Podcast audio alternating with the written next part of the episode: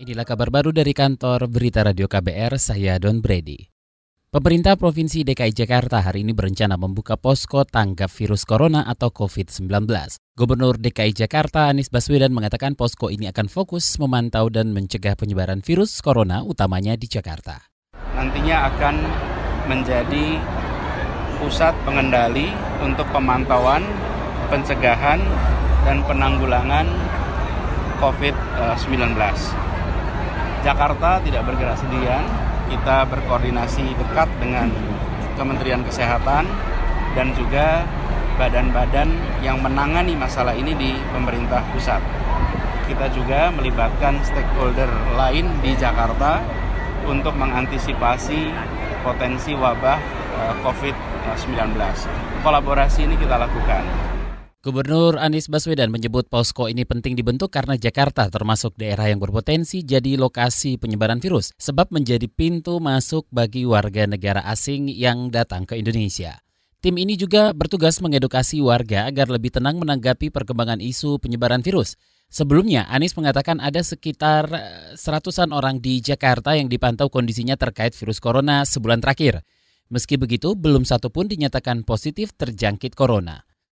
Kapal Republik Indonesia atau KRI Semarang menjadi pusat komando selama proses observasi COVID-19 di Pulau Sebaru Kecil, Kabupaten Kepulauan Seribu DKI Jakarta. Panglima Komando Gabungan Wilayah Pertahanan 1 Laksamana Madya Yudo Margono mengatakan kapal ini akan berjaga setiap saat untuk mendampingi peserta yang dikarantina. KRI Semarang berfungsi sebagai posko pengendali yang akan menyalurkan distribusi logistik dan akomodasi untuk peserta dan pendamping observasi di Pulau Sebaru. Dari berita mancanegara, saudara pemerintah Amerika Serikat hari ini mengkonfirmasi kematian kedua akibat virus corona. Melalui keterangan resmi dari Seattle and King County Public Health, korban meninggal merupakan pasien berusia 70-an tahun. Dikutip dari Reuters, pria tersebut mendapat perawatan akibat COVID-19 di rumah sakit di Evergreen Health, Kirkland, Washington. Merespon penyebaran kasus corona di Amerika Serikat, Trump akan bertemu para pemimpin grup farmasi besar di Gedung Putih hari ini. Dalam pertemuan itu, Trump akan mendiskusikan langkah dan upaya pengembangan vaksin corona. Dan saudara DPRD DKI Jakarta tengah membahas penetapan wakil gubernur, gubernur Jakarta yang hampir setahun ini kosong. Laporannya akan disampaikan jurnalis KBR Wahyu Setiawan. Wahyu, silakan. Baik, tahapan pemilihan wakil gubernur DKI Jakarta memasuki babak baru usai 19 Februari lalu tata tertib pemilihan wagub disahkan.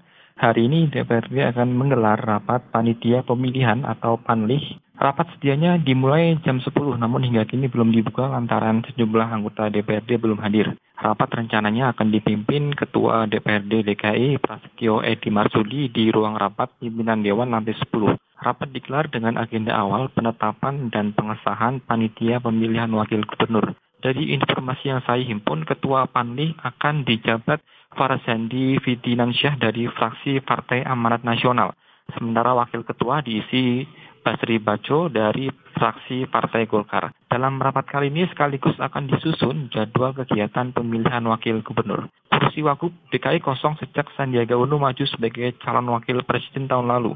Saat ini Gerindra dan PKS selaku partai pengusung telah menyetor dua nama untuk menjadi wakil Anies di DKI Jakarta, yakni Riza Patria dan Nurman Syalubis. Demikian Wahyu Setiawan melaporkan untuk KBR. Demikian kabar baru dari kantor Berita Radio KBR, saya Don Brady.